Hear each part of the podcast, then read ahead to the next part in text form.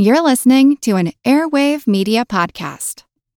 Judy was boring. Hello. Then Judy discovered ChumbaCasino.com. It's my little escape. Now Judy's the life of the party. Oh, baby, Mama's bringing home the bacon. Whoa, take it easy, Judy. The Chumba life is for everybody. So go to ChumbaCasino.com and play over 100 casino style games. Join today and play for free for your chance to redeem some serious prizes. ChumbaCasino.com. No purchase necessary. Void where prohibited by law. 18 plus terms and conditions apply. See website for details. As a longtime foreign correspondent, I've worked in lots of places, but nowhere as important to the world as China. I'm Jane Perlez, former Beijing bureau chief for the New York Times. Join me on my new podcast, Face Off US versus China, where I'll take you behind the scenes in the tumultuous US China relationship. Find Face Off wherever you get your podcasts. This is Kick Ass News. I'm Ben Mathis.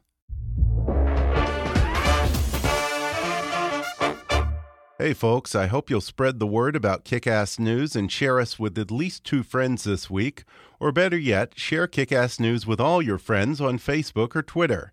And if you really want to help, donate to our GoFundMe campaign at gofundme.com slash kickassnews. Thanks for listening, and now enjoy the podcast. Hi, I'm Ben Mathis, and welcome to Kick Ass News.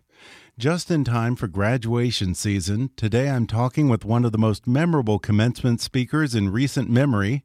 In 2015, film director John Waters delivered a gleefully subversive speech to the graduates of the Rhode Island School of Design, or RISD. The speech, which advised young people to eavesdrop, listen to their enemies, and horrify us with new ideas, went viral in part because it was so brilliantly on point about making a living as a creative person.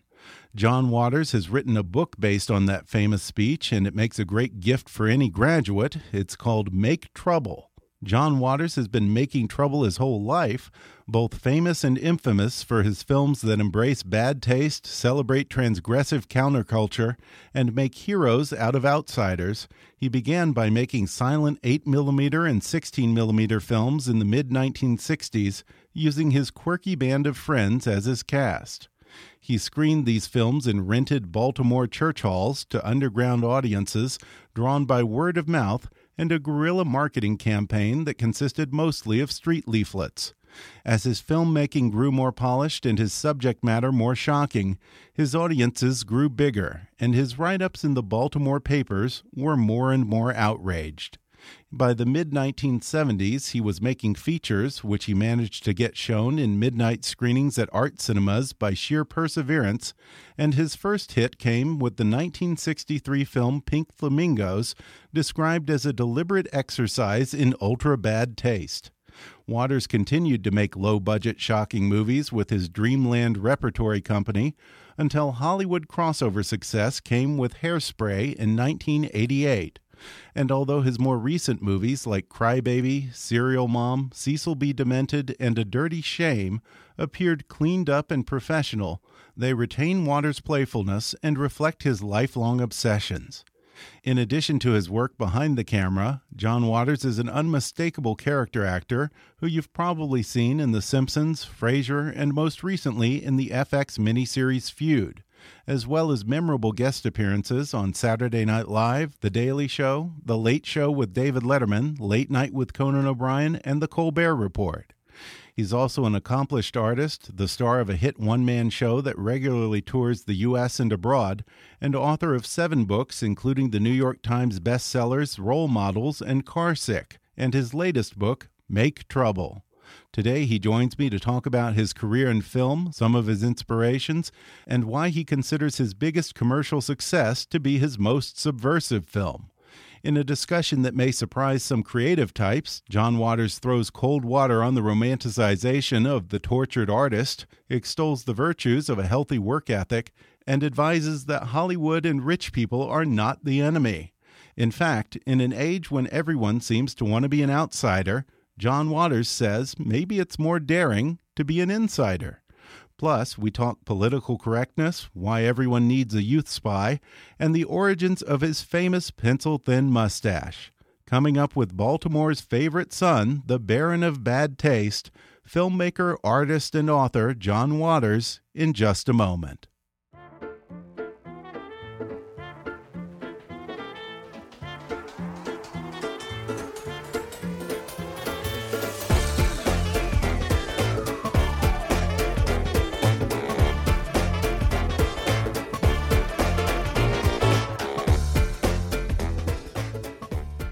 Filmmaker, actor, artist, and author John Waters has been called the Prince of Puke and the People's Perv for his films that celebrate bad taste. They've included such cult classics as Pink Flamingos, Serial Mom, Crybaby, Polyester, and Hairspray, which was later turned into a hit Broadway musical. He is the author of seven books, among them the New York Times bestsellers Role Models and Carsick. He regularly performs his one man spoken word shows in the United States and abroad, and he guest stars in one of my all time favorite Simpsons episodes. He has a new book called Make Trouble. Mr. Waters, thanks for joining me. Thanks for having me. Well, before we get into the book, I just want to say how delighted I was to see you playing William Castle, the Yeah. Scream King on Feud on It was FX. Exciting. I had to keep that secret for months because we shot it in LA, but a few months ago, and it was just Yeah. myself and Jessica Lange and all those extras. those extras were good. They didn't snitch. None of them tweeted Yeah. it or anything. It was good. It was a What, good what theater did y'all, did y'all shoot that in? Was it the Fox maybe? Or I, Okay. you know what? I forget where it was because Okay. they just pick me up and take me there. Oh, you know? yeah, Uh, I- I- uh, it was downtown LA. It was a Oh, okay. beautiful old theater. Yeah. Oh, okay, yeah. There's like there's the Los Angeles Theater. There's the I don't know if you said it, I wouldn't know. house. But I think Yeah. this is the same place maybe where I got the GLAAD award or some big gay Okay. award once, and I, I think it was that theater. Okay, okay. but Well, I never was a- come in the front, so I don't. I don't know. You know, I think the Bobby Kennedy entrance. Yeah. Well, he was a big inspiration of yours, not Bobby Kennedy. Well, maybe Bobby Kennedy, Well, I but liked Bobby Kennedy, William yeah. Castle. I like William Moore was more of an influence. Yeah. Um, Yeah. Did you grow up watching like Thirteen Ghosts, House Oh, on every Haunted Hill? one of them. I still that? have. I have the Yeah. original instructions how to put the uh, buzzers under the seat for the projectionist. That's a really rare Really? collectible. Now, I met the- his uh, widow. I, I wrote about him. I wrote the introduction to his autobiography when it was Right. re-released. And Terry Castle wrote me a lovely note after shown saying how it made her father proud, which was very sweet. The buzzers were those for the Tingler? Yes. Was that what it Mhm. was? Yeah. Okay. Percepto, I believe. It Did you called. see that in the theater? Yes. The original theater? See, But I- well, when it got to my movie theater, they only had about three seats wired. But I found them. You found the yeah, one. Yeah, See, now it never made sense to me because I watched it on VHS, and suddenly Vincent Price, you know, what is he? What is the line he says? He The says, Tingler is loose in the theater, now loose in scream, the theater. You know, that movie, The It never- I never understood it. The mentions. LSD, and it was filmed in 1958, which is Yeah. pretty amazing. Nobody knew what LSD was for 10 years after that. You have this great new book called Make Trouble, and I guess it's a speech. Commencement speech. Yeah, it's a commencement speech that you gave at uh, Oral Roberts University. no, or- no, RISD. Hardly Oral Roberts. Liberty University? I No. RISD, a very, very good art school. Yeah, Rhode Island uh, School, of of Design. Design, Yeah. yeah. And it went viral, which I was happy about. You know, I could tell it went over well. And and then they came and asked me to do a book of it, an illustrated book, which I really love. Eric Hanson did the illustrations, the same person that did the cover of my book, Role Models. So I'm really happy to work with him again. And it is, uh, yeah, I'm a gift book. Who would have ever imagined? Uh, but it's a book that you can give anybody. They could be graduating from AA. They could be graduating from, uh, f- just got out of a mental institution. Yeah. a lot of things you can graduate from. Yeah, and you know, universities are so notorious for political correctness, safe spaces, trigger warnings these days. But I am politically correct in a weird way. I in think, what way? because my if there were politics in all my movies, it's mind your own business. Don't judge Yeah. other people unless you know the whole story. Never be jealous. Yeah. Uh, a no is free, and just assume you're going to be able to accomplish what you can, even if it's against everything society believes in. Isn't that politically correct? I guess so. Live and let live, pretty much. Yeah. yeah. Now, uh, the university, when they asked you, were you surprised? Did you ask them if they've seen any of your movies? Oh, I knew they'd seen my movie. I was mad no one had ever asked me before. It was a racket I've been trying to get into for years, commencement speeches.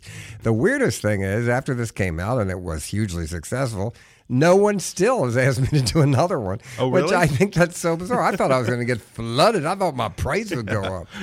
yeah, because this speech that you gave went viral. I think Yeah, it it was did. all over Certainly, the it was everywhere. And so, uh, so I wonder now. It's, it'd be really hard to top it if someone did ask me to do it. I did get more uh, when I did this. I got a Doctorate of Fine Arts award, and I Oh, really? I got one later from the Maryland Institute of Art in uh, Baltimore afterwards, and I got my first one though when I taught in prison at Patuxent Institute. And when I taught there, it was actually they got a real degree from a local college, but I had no college degree, so to teach there, they gave me another lifetime achievement award. That just means you're insane, but got away with it. That's what a lifetime achievement award means. Now, is that like it's an honorary degree Yeah, from but- prison college or No, I was honorary from that college so I could teach there. so I could oh, literally, I got a paycheck from the state of Maryland to rehabilitating Really? Does killers. well? Right? No, no one pays. No one. If you want to be rich, you're never a teacher.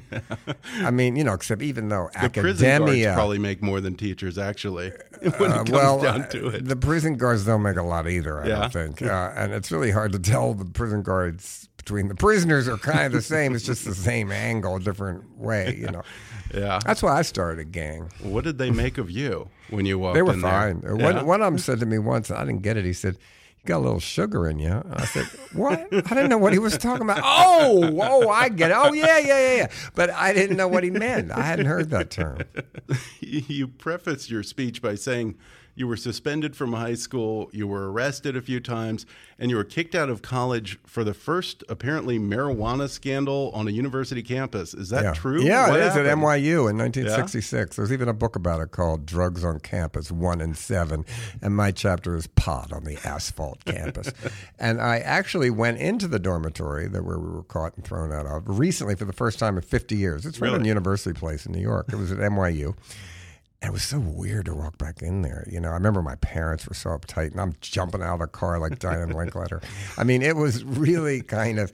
Uh, but I remember it wasn't that horrible for me. They should have kicked me out. I never went to Yeah? school. I stole books every day in the bookshop and sold them back to get money to the same bookshop, and went to 42nd Street and went to see movies like Olga's House of Shame and The Undertaker and His Pals.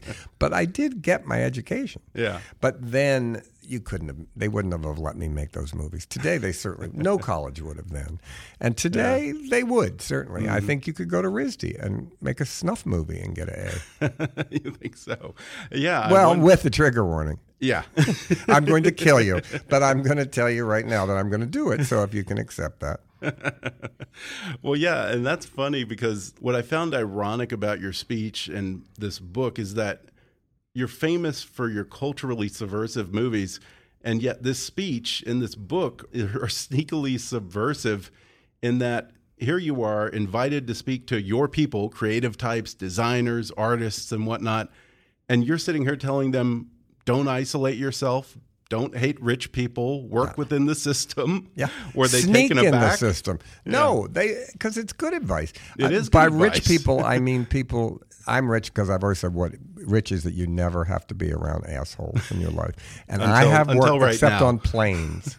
on planes, you still can't avoid them. Yeah. But but I nowhere in my life do I have to be around assholes. That's rich. and poor to me is unopen to ideas. It's not about money. It's it's unaccepting, uncurious, and and wanting to stay in your neighborhood and never leave it. So um, I have different meanings of what are poor and rich Yeah. to me. But we can't hate all rich people. Who's going to buy our art?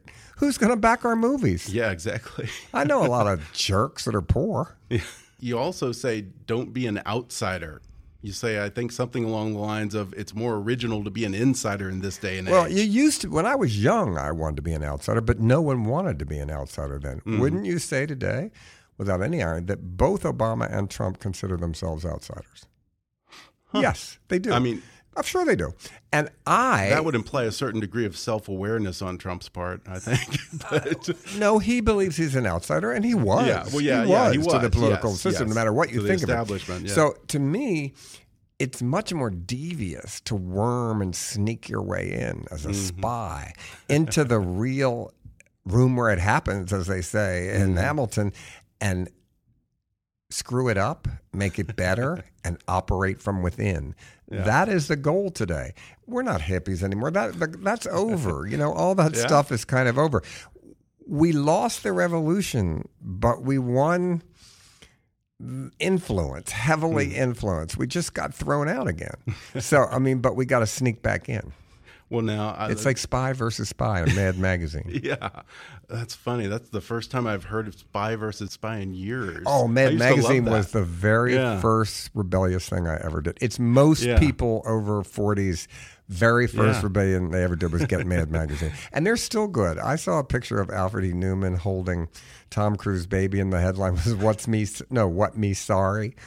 Isn't that the child's name? I thought that was really funny. I think they're still yeah, funny. the foldovers in the yeah, Alfred E. Neuman, and then they had the girl Alfreda E. Neuman. I loved her. I didn't even realize until recently Alfred E. Neuman was not a real person. No, I always assumed that. that was No, that was their mascot. It was just Yeah. a, a person. Like, yeah. Yeah. it's like Trump. I mean, I think I went through part of my life thinking that it, it- Woody Allen was Alfred E. Neuman before I really had ever seen a Woody Allen movie as a Well, child. I can bet that Woody Allen liked Alfred E. Neuman. You can Yeah. be sure he liked Yeah. Mad Magazine, definitely. Yeah. Well, now, it, Woody, uh, you know, used to do all of his movies in New York, and then he had this amazing second act late in life where suddenly he's going off to Paris and all these places. You have filmed every movie in Baltimore. You think you might have a similar second act where maybe you take off to? I do have a second Rome? act, but it's books. Okay. You know, Okay. because my last two books did great, and Yeah, my last movie sure didn't. did.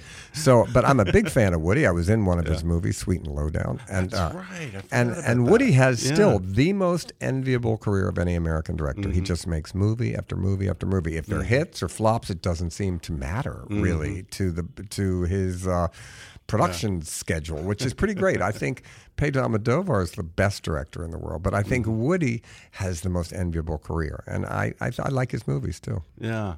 Yeah. And we were just talking about sneaking in to the establishment. You tell the young people that they need to prepare sneak attacks on society.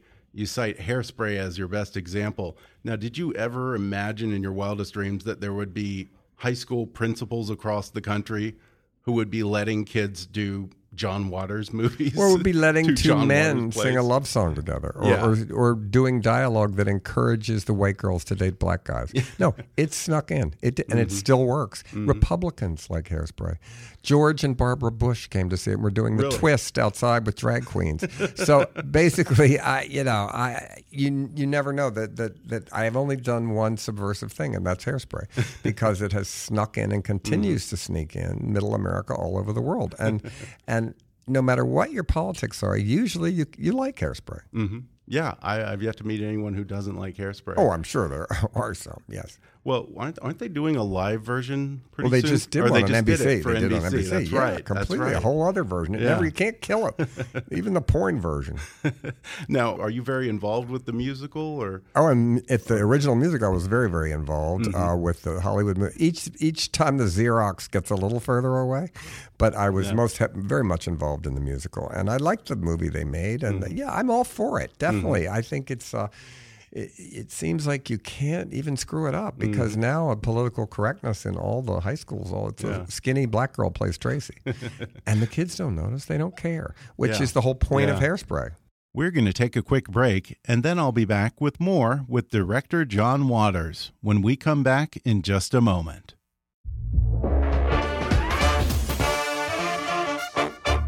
Support for today's show comes from FilterBuy. Summer is on the horizon, which means it might be time to change your air filter. After all, you want to be sure your HVAC unit is working properly all season and that your energy bill is as low as possible. Thankfully, FilterBuy offers a wide selection of high quality air filters in every MERV rating and over 500 sizes, including custom sizing, so you can find a filter for your HVAC unit no matter its dimensions. Better yet, all orders ship within 24 hours direct from FilterBuy's U.S. factory to you, so you get the best price possible. No middlemen, no markups. Even shipping is free within the continental U.S. So breathe easy with a filter you can count on from FilterBuy. And now, for a limited time, our listeners can even get a 10% discount by going to filterbuy.com slash kick. That's filterbuy, spelled B-U-Y, dot com slash kick for 10% off your new air filter. As many of you know, I'm a voracious consumer of news, and I probably read at least a dozen newspapers and magazines a week. But those mountains of paper pile up on my desk, on my bed, and sometimes even on the floor. And all of that clutter can't possibly be good for the environment or my sanity. So I want to tell you how you can get 200 plus magazines without all the clutter. You know, at a time when it feels like it's never been harder to find the truth, supporting the free press is critically important. Thankfully, Texture gives you access not just to your favorite magazines, but also to some of the most credible publications in the world, such as Time Magazine, The New Yorker, Vanity Fair, and The Atlantic, all on your phone or tablet. Not to mention, with daily recommendations, exclusive interactive features, videos, and more, Texture makes it easy to find and enjoy the articles you want to read from all of your favorite magazines like Newsweek, Fast Company, and Entertainment Weekly. It's even searchable so you can mark what you like, check out back issues, or view bonus content. No wonder it's one of Apple's top 2016 iPad apps. And best of all, Texture is normally $9.99 a month for access to over 200 magazines. But if you sign up right now at texture.com slash kickass, you get a 14-day free trial. Why would you subscribe to just a couple of magazines when you can have all of your favorites all the time for way less? Just go to texture.com slash kickass for your 14-day free trial. That's 14 days to try Texture for free when you go to texture.com slash kickass. One more time, that's texture.com slash kickass. And now, enjoy the rest of the podcast. You kind of went from doing very low budget indie films to doing Oh, I didn't pretty exact- low budget Hollywood movies. Well, I didn't really Still- sneak still- in Hollywood because still low budget. I know they weren't. I mean, for me, they Yeah. weren't. Certainly, uh, eleven million dollars was Right. Crybaby, thirteen Right. million dollars was Yeah. Serial Mom. They were not low budget to me at Yeah. all. And then they weren't that low budget in Hollywood. They were mid budget. Yeah, well, I guess in that era, those Yeah. were not low budget by No, they Hollywood were not. standards. Yeah, yeah. but they weren't high budget either. Yeah. And they're still playing. I mean, Serial Mom just came out again. Crybaby plays all the time on television, thanks to Johnny Depp, I think. and uh, but who knows? We made a Broadway musical of Crybaby that failed, Yeah. and I think they did a beautiful job with it. I hope it gets revived one day. Well, do you consider yourself a Hollywood insider now? Do you consider con- yourself I've part of this every- Hollywood establishment? No, but this point? Hollywood has treated me fairly. I've had three development, four development deals in the last decade that never happened, where they paid me Hollywood money. It was quite fine. I don't have any complaints. Hollywood treated me fairly. That's the best game in town. The thing I learned a long time ago: the more money they give you, the more they're going to tell you what to do. You don't want anybody to tell you what to do? Go make a movie on your cell phone. It's just an algebra question, really. yeah. More money equals more headaches. I was just around here and looking at the, the uh, in LA today at the Black Tower, which used to be the Universal lot where I would Oh, have yeah, the infamous black. different fights there with executives. I remember Mm-hmm. once them saying, "Well, they wanted me to reshoot this whole ending of Serial Mom and everything," and I said, "Well." They, I said, well, they said, if you don't do it, you'll never work again. And I said, well, if I do do it, I'll never work again because it'll ruin the movie. And they, in this town, I don't live here, so I don't care. But um, all those fights and everything, they, they fade away when you remember Yeah. the movie got made, it's out. Some people like it, whether they remember it, whether it made money. It probably didn't, but it didn't lose much, and it's probably who knows. It's still playing. Maybe they'll break even one day on, on the ones that didn't. I certainly have tried. It's not like I haven't gone out there and tried to sell it. Yeah, and in those days, you're talking about Universal. Uh, where, Well, Universal was not at the time. Black Tower? Yeah, Universal was, Which but Black that's Tower for are we talking Crybaby. But I didn't have that much problems with that one.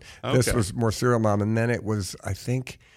That got sold, or I can't remember. There was different arguments. I remember meetings at the Black Tower were especially intimidating when you went in there. Right. Yeah. Well, I mean, was this back when Lew Wasserman was still Yeah, around? they were all. Well, I saw him with those Did you ever meet glasses. him? Yeah, I Yeah, did. yeah, Yeah, he's great. I mean, we he was a didn't have a lot in common, but uh, no, he was not. I never fought Yeah. with him. I didn't have anything Yeah. to do with him, you know. And Brian Grazer, who was my producer, I got along great with him. He was fine. I didn't have any. I, I don't. Mm-hmm. Where is he now? He's he still has Imagine. Are you kidding? He's doing great. Whatever happened to that guy? No, he's doing great. Now, one of the things you say in the book is you warn that as you get older, you need youth spies to keep you abreast of culture and especially probably counterculture. Do you have youth oh, spies? Oh, And- certainly. And, what's something that they've turned you on to that you wasn't Oh. on your radar? Well, the entire Baltimore music scene, which is Future Islands and Beach House and uh, Dan Deacon and all them. I give them poppers when they tell me about new groups. yeah. You have to pay them with something. Poppers are good. Better than Bitcoin. I just knocked the mic. You're on poppers. I might be. now, you also say that they should read, and somewhere I read that you you have I think eight thousand books in your home. Yeah, what I like, to, like read. to read? Oh, everything. I like fiction. I like biographies. I'm reading the new Jim Jones book right now about Jonestown. Oh, But, yeah, I'm um, supposed to interview that guy. Yeah. Um, so, I- you know, I read all sorts of things. I mean, I Mm-hmm. like fiction. I think my, my column is in the New York Times this Sunday about all the books Mm. I'm reading. Um, um, I, I read, it relaxes me. Having Mm. a TV on doesn't always, Mm-hmm. but um, reading always does. And I never fall asleep when I'm reading. If it's good, I stay awake till four in the morning and then wake up start reading again. That must be tough because you say that you get up at six a.m. yeah, I every do. day. So I don't try not to do that. I, I stop myself from reading and go to bed early because Monday to Friday I write every morning. Yes. Yeah, you're pretty disciplined. So six a.m. Monday to Friday. That's not a typical artist schedule.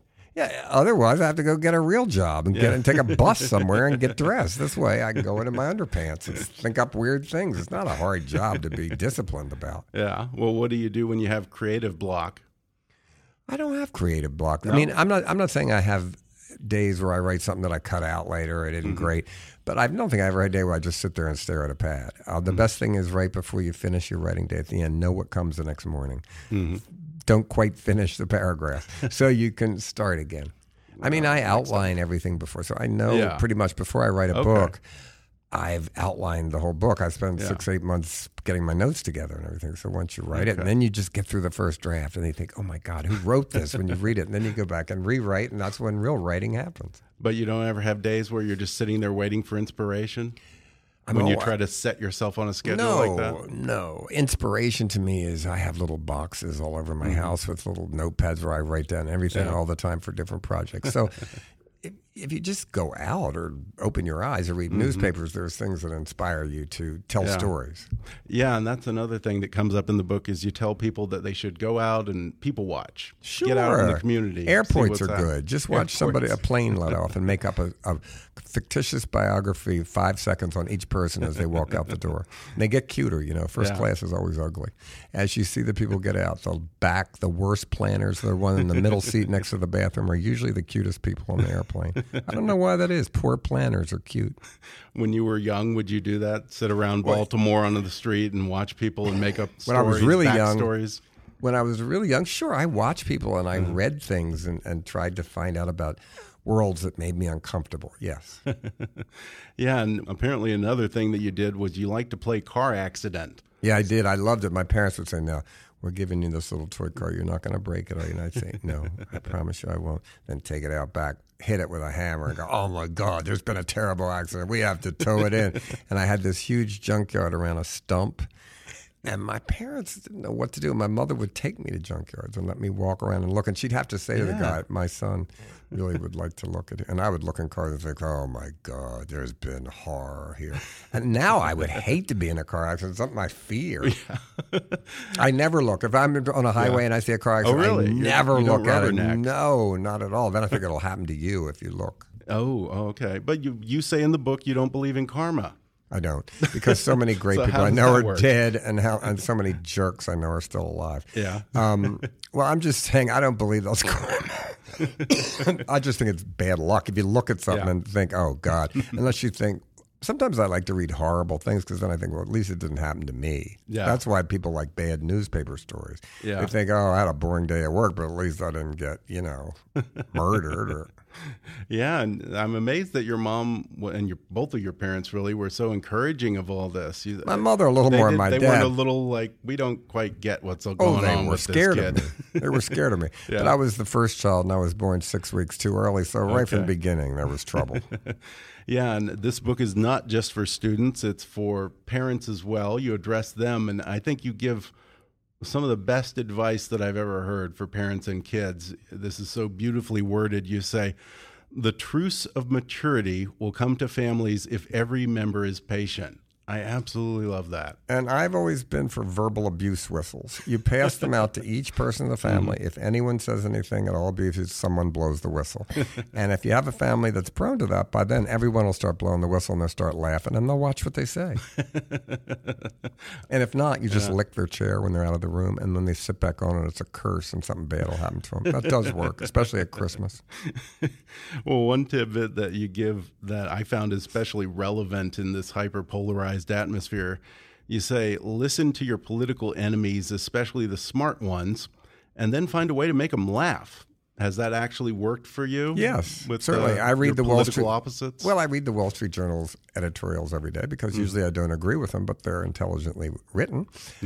I know Trump supporters. I know Republicans, and um, yes, if you start preaching, neither side's ever going to change their mind. Right. If you can make people laugh, and I always try to think, did Trump ever say anything funny? He did when I thought when he called Elizabeth Warren Pocahontas. I did think that was funny, and she's never said a funny thing. But I've Yeah. every single thing she says, I believe in. But she's no laugh riot. Let's Yeah. put it that way. So, um, I, I, you know, I think all of them need to make each other laugh. If we could, and when Trump tries to, it's never funny. Yeah. That's the thing, you know. So um, I don't know. Humor's a tough thing. It, you can be Yeah. bad at telling jokes, just like bad musical taste. It's all an impeachable offense. Yeah, I'm trying to remember. Did you see when he gave that? What, what is the dinner that they do that the Catholic Archdiocese or whatever does in Oh, New yeah. York every year? Yeah, and he sat And right next to. And what did he say? A joke about something? I He forget. bombed. Yeah, but yeah, yeah. each candidate comes it's like this long-standing tradition since like Fiorello LaGuardia or something. Yeah, but then they're know. sitting next to the, Yeah. you know, Pope or something. Basically, Yeah. that hypocrite. Yeah, and I think you could probably even apply this to film. Um, in particular, I'm thinking of the Diane Linkletter story. Well, that movie a wasn't a real movie. That was like a joke we made when I had to test a camera. and Really? Diane Linkletter had supposedly committed suicide that day, even though it came out way later that um, she hadn't taken LSD that day. They blamed it on LSD, but she hadn't taken LSD for a year. and both Leary and I mean both Art Linkletter and Nixon Yeah. semi conspired to blame Leary for the death of it. When Right. um, it's very sad she committed suicide, but she hadn't taken LSD. Yeah, so you didn't have a political agenda. Start Oh, I think that? we were You just mocking. screwing we, we were because we were on LSD then, so but, and knew that we weren't jumping out the window. It wasn't all bad. and then that led to a trend. The Cockettes made a movie called Tricia's Wedding right afterwards that came out the exact moment that Tricia Nixon got married, Mm-hmm. and it was all drag queens playing all the Republican leaders. That's what we need today. Yeah. Terrorist humor, humor that you use to humiliate and embarrass the enemy. Mm-hmm. They can do it to us. We could do it to them. Imagine a drag queen doing Hillary. None ever have. You know what? You're right. That what was that a start with uh, what's her name doing Sean Spicer now maybe? Well, that was that's a drag in the king. right direction. That was great. Yeah, that's great. No, I think Saturday Night Live is actually the most effective anti-Trump Mm-hmm. criticism today going on at all. Yeah, because everyone sees it and laughs. yeah. Well, I'm curious how you view Trump in this whole phenomena. Are you upset that you know someone may be challenging your title as the king of bad taste, or No, or because does the I shit do stir and you kind of revel in the ridiculousness? of? No, I am not happy in any way. Really? But Pence might be worse. Um, you know, uh, although maybe not. Um, uh, no, I'm not happy about any of it. And I think the thing is that he, I mean, his taste is, if you look at his furnishings in Trump Tower, Yeah. are staggering. You know, Yeah. how hideous. But it almost looks like Jeff Koons did it. But it's not that good because Jeff Koons has good taste. So um, it, it- the thing is, he does that with no irony. Yeah. He is a hair hopper. he is the most nouveau riche kind of possible Yeah. bad taste there could possibly be. Yeah. Is his taste, yes. and and even the hair, I mean, you know, and even even the whole thing about the first lady, that's why I think drag queens Mm-hmm. will do zombie Ivana Trumps, where they come out and impersonate how she wanted to, she sued because she couldn't cash in on being first lady. Well, maybe suppose Jackie Kennedy had a line of sunglasses or Betty Ford did non-alcoholic beer, you know, and drag queens from beyond the grave came out and did a pageant. That would be good. So there is some room for some new humor with Trump. You don't feel that it's stepping on your territory No, or I- bad no. taste becoming mainstream? No, it's none of that. That's all sounds too good. Yeah. You know, I mean, I think I don't even know if Trump believes with. I mean, at least he's met a gay person. Pence never has. Right. Right. he, he even his wife had straight beauticians, straight florists do their And floral work. Yeah, and you can tell. There, I bet there's some bad flower arrangements in their house. You said that you haven't been invited to give a commencement this year. Uh, is No, there, is not there one particular person. place you'd like to do? Sing Sing would be Sing Sing. nice. Is Sing Alcatraz, yes, Sing Sing is still open. Okay, Alcatraz is not right. Yeah, no, Alcatraz is not. Alcatraz long gone. But that's right. No, um, San Quentin might be nice. You know, Yeah, I mean, only because There you go. I don't know if they even have colleges there anymore. well, you might get another honorary degree. From that'd be good from Yeah. Sing Sing. Well, you know, before we wrap up, I have to ask about the mustache. I don't think I've ever read an explanation of the origin story of your unique. Oh, I wrote a whole lot about it in my book Role Models. I wrote Okay. the whole thing about it. Okay. I have uh, a theory. Can I give yeah, you my theory sure. first? Okay. My theory is because I know that you love Little Richard. My theory is that he inspired you Of course he did. to go with the mustache. Yeah, I write about. I've written all about that. Yeah, yeah. Okay. Well, I'm not he reading the right totally things did. then. He totally did, and the Okay. platters before that, and every store detective in '30s movies, Okay. and uh, and Yeah. even what was today, the one, my the Yes guy? Remember I the don't guy? know, but he the had old one. movies. Yes. Yeah, I remember him, but I don't- forget did he have the mustache? actor. Well, similar. yeah. Pretty close, I think. Um, my Yeah. favorite thing, I was on a plane recently, and a woman was staring at me. I thought, "What's she going to say?" And then she finally said, "Are you a magician?" That's my favorite thing because brilliant. yeah, because I thought that's what she thinks, and I get why she said that. If I had a top hat and a rabbit in my lap, it would look in character. Do you ever hate the attention and kind of wish you didn't have the mustache sometimes? No, except when I'm shoplifting. No, I'm just kidding. Um, today, no, I always could could go underground, and you know, if I shaved it off, I could. I mean, I almost had this commercial that offered me like a hundred thousand dollars to shave it off. I said, "Of course, I'll do it in one second, but it fell through for some sort of insurance company. Oh, I thought, "Oh, I'll do that in a minute."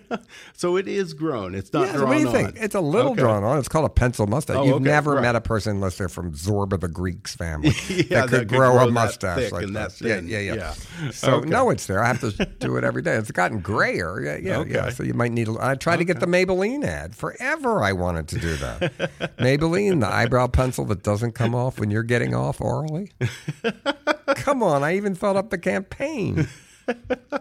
I don't know. See, I can't do that. I would love to be able to try Yes, that. you could. no, see, I have a mustache, but I it doesn't it. grow that close Just to my get a lip. little pencil, but you shave up in the middle there, don't you? Right. Oh, Oh, that- okay, yeah. that's why it doesn't grow up because you shave there. Oh, okay. Okay. Well, the Try it. Just go uh, home tonight, put a little pencil on there, and you'll see Okay. it perk right up. All right.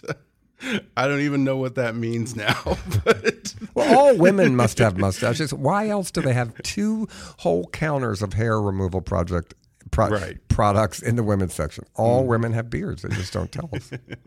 well, again, the book is called Make Trouble. It's a great gift for the graduate in your family right now about graduation time. John Waters, thanks so much for talking Thanks for me. having me. Well, I hope you enjoyed the show. You know, folks, as weather heats up, it might be time to start thinking about changing your air filter. Thankfully, FilterBuy offers a wide selection of high quality air filters in every MERV rating. And with over 500 different sizes of filters, you're sure to find a filter for your HVAC unit. And now, for a limited time, get 10% off when you go to filterbuy.com/kick. That's filterbuy spelled B-U-Y dot com slash kick. Thanks again to the hilarious John Waters for joining me on the podcast. You can order his new book, Make Trouble, on Amazon or download the audio version for free at audibletrial.com slash kickassnews. And just a reminder, it makes a terrific little gift for the graduate in your family. And if you're a John Waters fan, visit the comprehensive John Waters fan site at dreamlandnews.com. Be sure to subscribe to Kickass News on iTunes and leave us a review while you're there. Don't forget to take our listener survey. It only takes five minutes at podsurvey.com/kick. You can visit Kickass News on Facebook and follow us on Twitter at, at KickassNewsPod. And be sure to recommend Kickass News to your friends on your social media. And if you really want to help out, then donate to our GoFundMe campaign at gofundme.com slash kickassnews or click on the donate button at kickassnews.com. As always, I welcome your comments, questions, and suggestions at comments at kickassnews.com. For now, though, I'm Ben Mathis, and thanks for listening to Kick Ass News.